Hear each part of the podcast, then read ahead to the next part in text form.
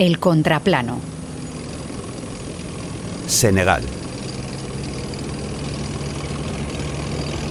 El pasado 27 de diciembre, el presidente senegalés Macky Sall inauguró la nueva base militar de Goudri, frontera con Mali. ¿La razón? Evitar la creciente amenaza yihadista en todo el Sahel, con Mali proclamada como nido de expansión. ¿Qué buscan los yihadistas en Senegal? Oro.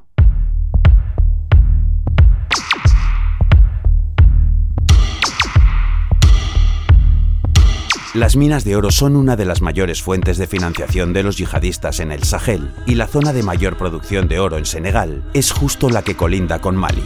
Esto se une a que esta zona reúne algunos de los ingredientes que el yihadismo también ha sabido aprovechar en su expansión por todo el Sahel.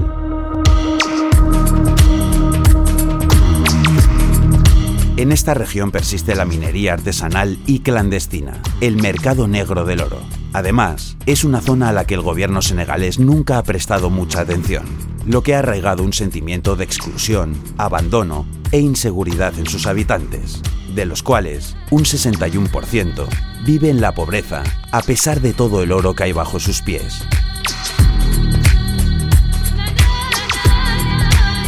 el caldo de cultivo perfecto para que el yihadismo se expanda.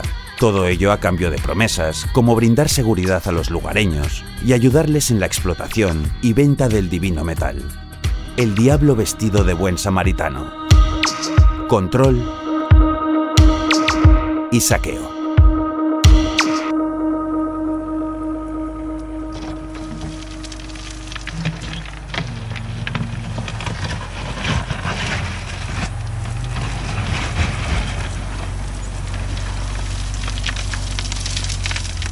Algo que podría recordar a casos como los de muchas mineras extranjeras en el Sahel y en todo África.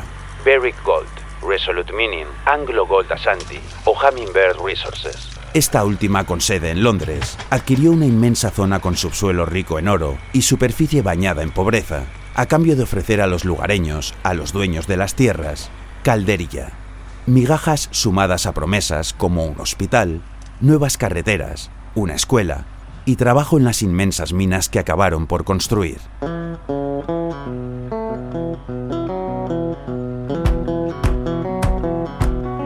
A día de hoy, de los 1.500 trabajadores de la mina, solo 50 son lugareños. No hay escuela, ni hospital, ni carreteras. Estas minas generan un beneficio de 200 millones de euros al año. Son las minas de Comana y están en Mali. Y cabe preguntarse, ¿de dónde habrán sacado sus ideas los yihadistas?